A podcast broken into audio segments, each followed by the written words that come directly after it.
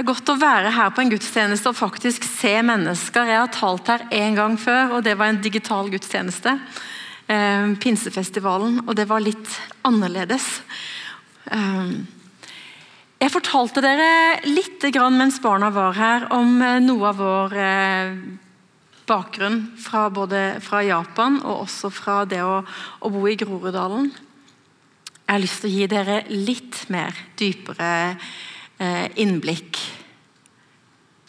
Jeg hadde hatt eh, Jeg hadde født tre barn. Jeg hadde hatt én spontanabort og hadde amma og det, Alt dette skjedde i løpet av fire år. altså Egentlig fire svangerskap og amming. Og, og jeg var helt utslitt. Kroppen min var utslitt. Eh, syken min var utslitt. Vi hadde vært nybrottsarbeidere, misjonærer i Japan i noen år. Og jeg møtte en sånn eh, vegg. Og gråt og gråt og gråt. og gråt og gråt. Det varte, det varte noen måneder. Da var det en nabo hos oss som han tima det nok, tror jeg. Akkurat når mannen min hadde tatt barna med seg i barnehagen, han visste at jeg var alene, så kom han og kona ringte på døra, og jeg var nødt til å komme ut i pysjen. Så sa de ta på deg noen ordentlige klær, nå tar vi deg med ut, så du skal få spise frokost på restaurant. Jeg orker ikke, sa jeg. vet du. Og, ja, men kom igjen, sa de. Og jeg fikk på meg klær, og de tok meg med på restaurant hvor det var musikk. Eh, en som satt og spilte vakkert på et flygel, og det kom med nye bakevarer levert på bordet. Og dette gjorde disse naboene Gang etter gang etter gang. No, nydelige venner av oss som så hva vi trengte, og hva jeg trengte. Da vi flytta inn på Ammerud, en herlig stygg Unnskyld meg, stygg, men den er utrolig stygg blokk. Den er liksom så lang, med tolv oppganger og 286 eh, leiligheter. Men så, og helt grå men så fargerik. Men når du kommer nytt til et sted, du er jo litt sånn anspent og tenker hvordan blir det å bo her, og hvem er naboene våre? og jeg sto i heisen og hadde liksom masse kasser eh, der. og Dattera mi var med og, og hjalp for å bære. og Mannen min sto i bilen og skulle laste flere kasser. Så kommer det inn ei, ei kvinne på, på krykka sammen med dattera si. Og så sier hun oi, jeg ser dere holder på å flytte inn. Hvor skal dere bo? Jo, så sa jeg 624. Ah, vi bor i femte etasje. Nei, men Så hyggelig, sa jeg. Og så gikk de ut i femte etasje. 40 minutter etterpå så banker det på døra. Og inn kommer Saba til, i leiligheten vår et, med et stort brett med Små eritreiske kaffekopper, nybrent kaffe. Dattera kommer med nypoppa popkorn, og så sier de 'velkommen til nabolaget'. Og så delte hun at de er fra den eritreiske ortodokse menigheten. Og var så glad for at det var kommet nye venner. Så var det gått et par måneder, og så sa jeg til henne Aner du hva den starten for oss, hva det gjorde med oss? Altså, Er det sånn her i nabolaget? Så sa hun nei. Altså, Vi flytta inn en måned før dere. Og det er ingen som hilste på oss. Så jeg tenkte, da dere kom, så ville jeg være med å, å gjøre det på en ny måte i nabolaget. Dette er med å forvandle et nabolag. Mennesker som Saba. Og mennesker som Kamaya i Japan. Som kom når jeg var på det minst Nei, det mest sårbare. Ville du hatt en eh, digital venn med kunstig intelligens? På Snapchat så er det en sånn eh, chatboot, sånn eh, Hva heter den for noe? My AI. Jeg har ikke åpna den, men jeg vet at det finnes. En, en, kunstig intelligent venn som skal, liksom, ved å ha sjekka alt det jeg gjør på sosiale medier, forstå hva jeg virkelig trenger og skal være en som eh, skal møte meg og se meg og mine behov. Hvis Jesus hadde gått her nå fysisk i vår tid og, og eh, kalt disipler og sagt 'følg meg', så tror jeg den første responsen ville vært å bare ja, nå er mobilen min der, ja. Bare åpne mobilen og liksom legge han til. Følge han på sosiale medier. Følg meg. Hvem var det som var Jesus sine nærmeste? Hvem var Jesus sine nærmeste tre? Ofte når, når eh, jeg hører det, så tenker jeg selvfølgelig Peter, Jakob og Johannes. Det er liksom den indre kjernen blant eh, disiplene. Men det ser ut som den teksten vi akkurat fikk lest fra Johannes kapittel 11, viser oss noe om Jesu aller nærmeste tre. Hans nærmeste venner. Det var Martha, Maria og Lasarus, som han var inderlig glad i. Som han stadig dro for å besøke. De bodde i Betania rett utafor Jerusalem. Hvis dere leser videre i kapittel 11, eh, og det har kanskje noen av dere allerede gjort, eller kommer til å gjøre, så vil dere merke den utrolig nærheten det er mellom disse tre søsknene og Jesus. De damene de, eller jentene er bare så oppriktige overfor Jesus. Det er skikkelig ærlige følelser som kommer. Eh, skuffelse over at Jesus ikke har vært der før. Eh, så nærhet mellom disse tre og Jesus. In good times and bad times, I'll be on your side forevermore. That's what friends are for. Vi er ikke ment til å være alene og leve livet vårt alene. Det er ikke godt for mannen å være alene, sier Gud allerede i Bibelens andre kapittel. Og jeg tror ikke det handler bare om eh, et kjærlighetsforhold, et ekteskap. Jeg tror når Gud sier det er ikke godt for mannen å være alene, så handler det om det å være menneske, at vi er skapt. Vi er skapt i relasjon til hverandre og til å være i nære, forpliktende relasjoner. Og vi har mange relasjoner. Bekjentskap, naboer, kollegaer, omgangsvenner som vi slår i hjel tida med. Tenk et sånt uttrykk. Slå i hjel tida med. Og, har, og Mange av disse tar vi ut våre veldig gode sider sammen med. Hva er forskjellen på vanlige ulike relasjoner og en ordentlig venn?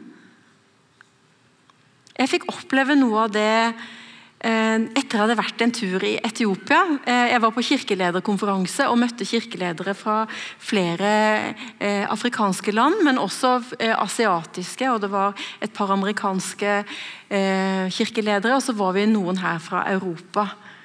Og Med meg hjem etter den kirkelederkonferansen så fikk jeg også en amøbe. Og jeg, ikke i bagasjen, men i kroppen. Og jeg ble ganske satt ut. Eh, lå i flere måneder.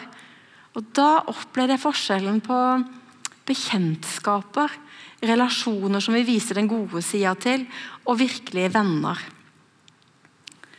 Det var, det var, flere faktisk som sa du, De hadde vært hos meg én gang, og så sa de bare du vet, ta kontakt når det blir bra igjen. Når du liksom orker å henge litt. Og så var det noen få som kom og bare kunne sitte der. Og jeg orka jo ikke å smile engang. De var vant til at jeg var den overskuddsdama som viste interesse for de på dypet og spurte åssen de hadde det. Nå orka jeg ikke være til stede for de, men de bare var der, satt der hos meg. Kolbein Falkeid han har skrevet et dikt som kanskje flere av dere kjenner til. Det er langt mellom venner. Mellom venner står mange bekjentskaper og mye snakk. Venner ligger som små lysende tuer, stuer, langt borte i fjellmørket.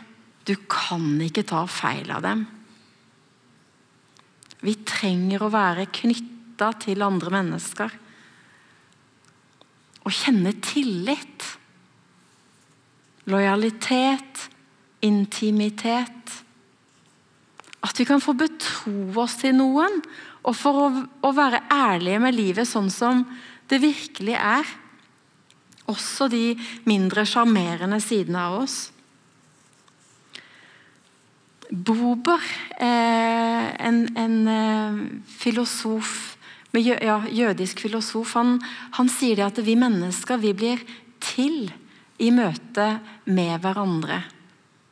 Og Bober er overbevist om at eh, han kjenner til Gamle testamentet godt, som jøde. Hvis dere leser i ordspråkene, så kan dere lese mye vakkert og sannhet om vennskap. I ordspråkene 27 så står det som ansikt speiler seg mot ansikt i vannet, finner det ene mennesket sitt hjerte igjen hos den andre. Det står til og med også der bedre, Det er bedre med åpen kritikk enn skjult sympati. Sår fra en venn er til å stole på. Kyss fra en fiende er svikefulle. Og så står det godt vennskap styrker sjelen. Noe av det mest helseframbringende du kan gi et annet menneske, er ditt ærlige, oppriktige vennskap over tid. Og jeg tror at vennskap er en av Guds helt spesielle gaver til oss mennesker. Og kanskje er den verste tyven for disse vennskapene nå i vår tid det er mengden og massen og sosiale medier. Vi skal være til stede for så utrolig mange. Eller vi er så utrolig sosiale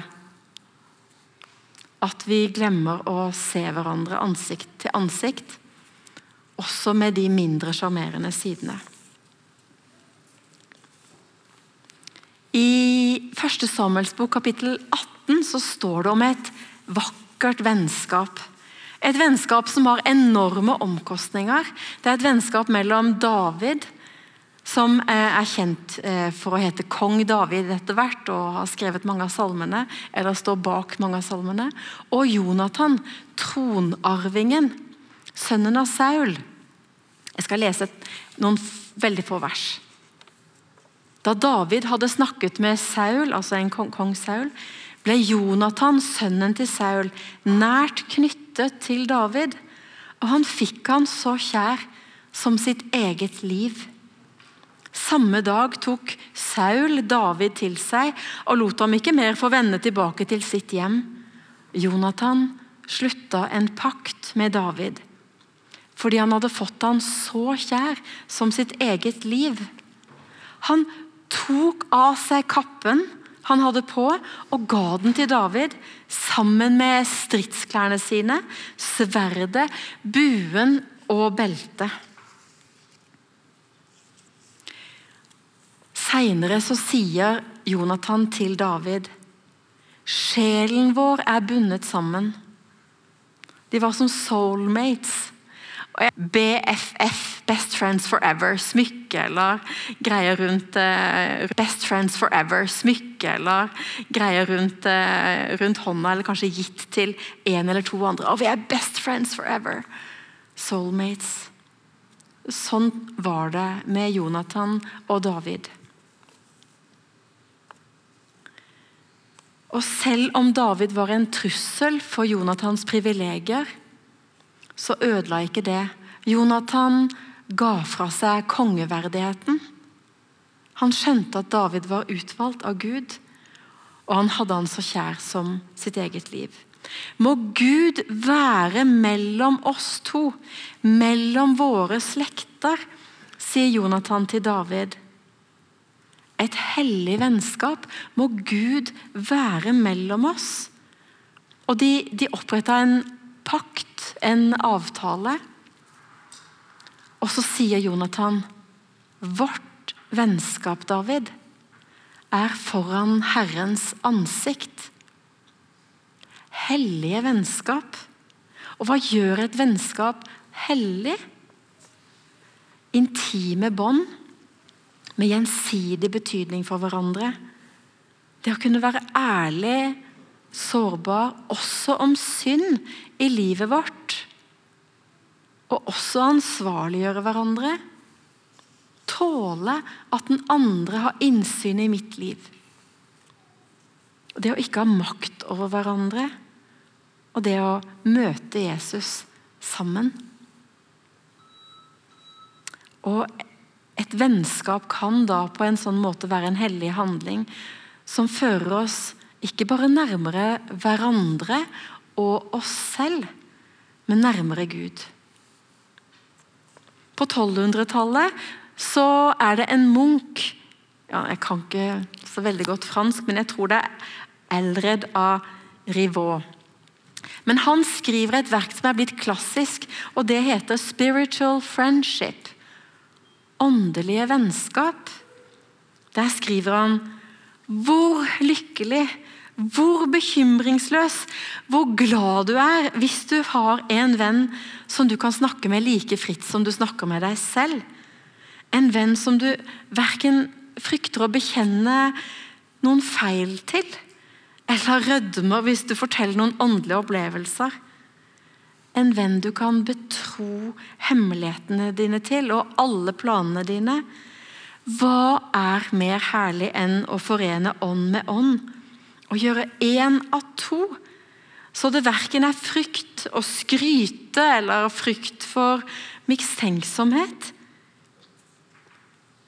En venns kritikk forårsaker ikke smerte, og en venns ros regnes ikke som smiger. Jesus sier til og med For hvor to eller tre er samla i mitt navn, der er jeg midt iblant dere.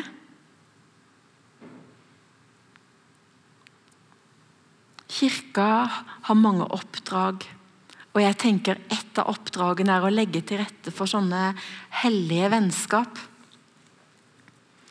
Sårbare, ærlige byggende relasjoner der vi får vokse sammen i troen.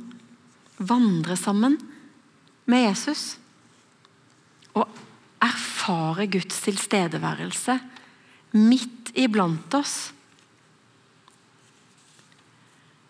Mange av dere er kanskje med i et eh, lite sånn fellesskap, om dere kaller det husfellesskap eller Ja, det er mange måter å kalle det på. Jeg tenker av og til etter at vi har gått fra vårt husfellesskap, hvor vi er fire-fem i 20-åra, én i 40-åra, to i 50-åra og to i 60-åra, og vi er fra ja, fire Ja, nå er vi tre forskjellige kulturer. Noen har lang fartstid i troen, og noen er helt ferske. Og når vi er sammen om å dele liv Helt ærlig. Helt inn på klingen. Også å tørre å, å, å, å eh, gi hverandre innspill som kan koste litt å si, men som kan bety utrolig mye at noen speiler det.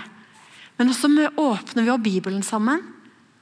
Og noen ganger er det som å oppleve at Jesus kommer vandrende ut mellom sidene, inn i livet og hverdagen vår.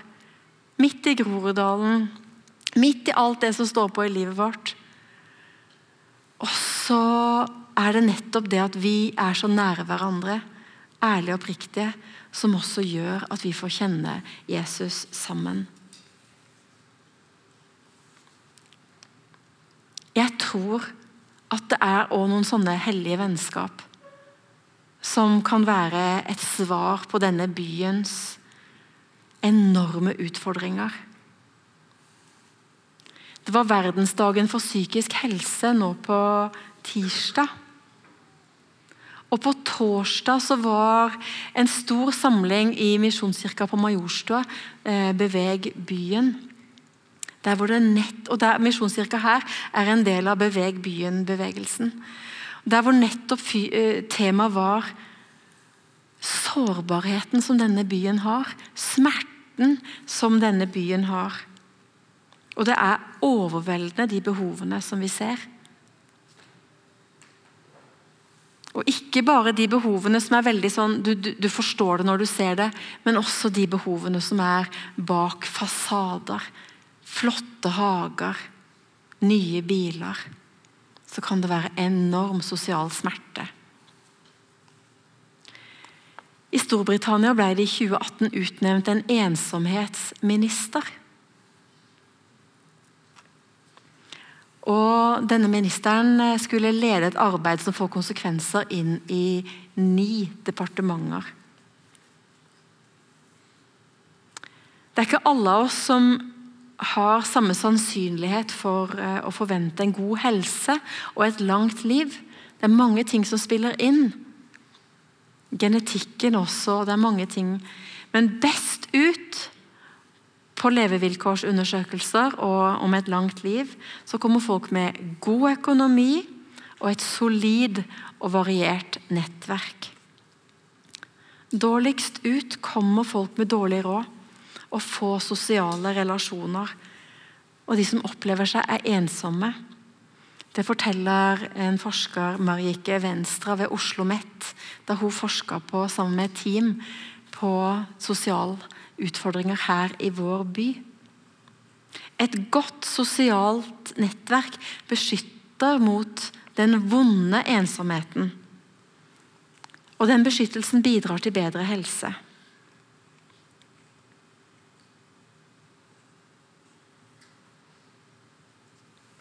Har du tenkt at det at du er til og Kanskje er du så heldig at du har noen få gode venner. Jeg er så heldig at jeg har noen av disse åh, som jeg er så trygg med, og som er trygge på meg. Det skal vi være takknemlige for på et menneskelig nivå, og for at det òg kan bringe oss nærmere Gud. Har du også sett at eh, din evne til å være en nær venn også kan være måten Gud svarer på behov i denne byen vår.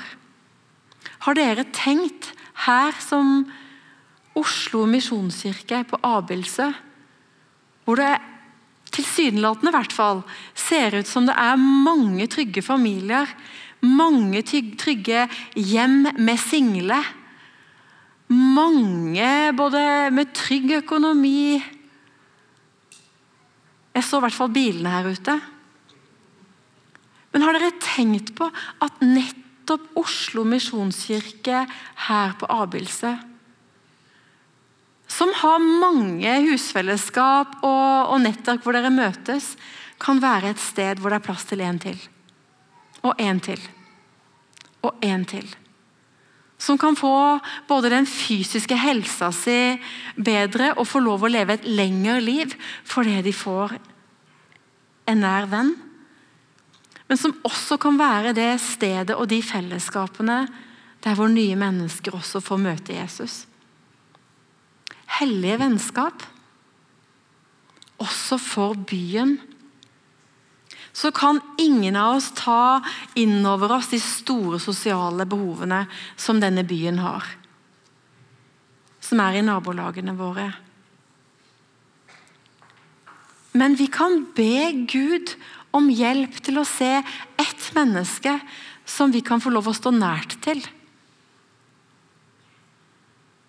Og så kan det hende at vår agenda er det at vi skal komme dit for å være med og hjelpe noen så kan det hende at vi opplever sjøl at vi får en nær venn som kan være med å forvandle vårt liv. Som kan få oss til å oppleve oss selv og Gud på en ny og en fordypa måte. Kongen vår talte mye om vennskap og det å åpne opp vennskapene våre for nye mennesker da han hadde sin tale ved nyttår desember i fjor. Det er en tid for å se hverandre nå, sa han. Tenk om vi alle hver dag kunne spørre et menneske som kommer i vår vei, hva, hva kan jeg gjøre for deg? Tenk hva det kunne føre til av gode opplevelser og øyeblikk. Det koster ingenting, bare litt hverdagsmot og ekstra omtanke. Kanskje dette spørsmålet kunne være en lykt vi bærer med oss gjennom det nye året. Ja, Nå er vi på slutten av det snart. Men tenk da, en lykt nå mot slutten av dette året som kan gi hverandre litt lys i mørke kvelder. I lengden er det rett og slett til det beste for oss alle at alle har det best mulig. Vi faller og vi reiser oss igjen, igjen og igjen. Men vi klarer det sjelden alene. Vi trenger hverandre, og vi må løfte blikket for å møte blikket til andre som trenger oss. Men også for å søke blikket til de som kan hjelpe når vi selv trenger det. Det er en styrke å klare å be om hjelp når vi har behov for det. Ved å erkjenne at vi trenger hverandre, ved å løfte blikket og ved å spørre 'Hva kan jeg gjøre for deg?' Så langt kongen.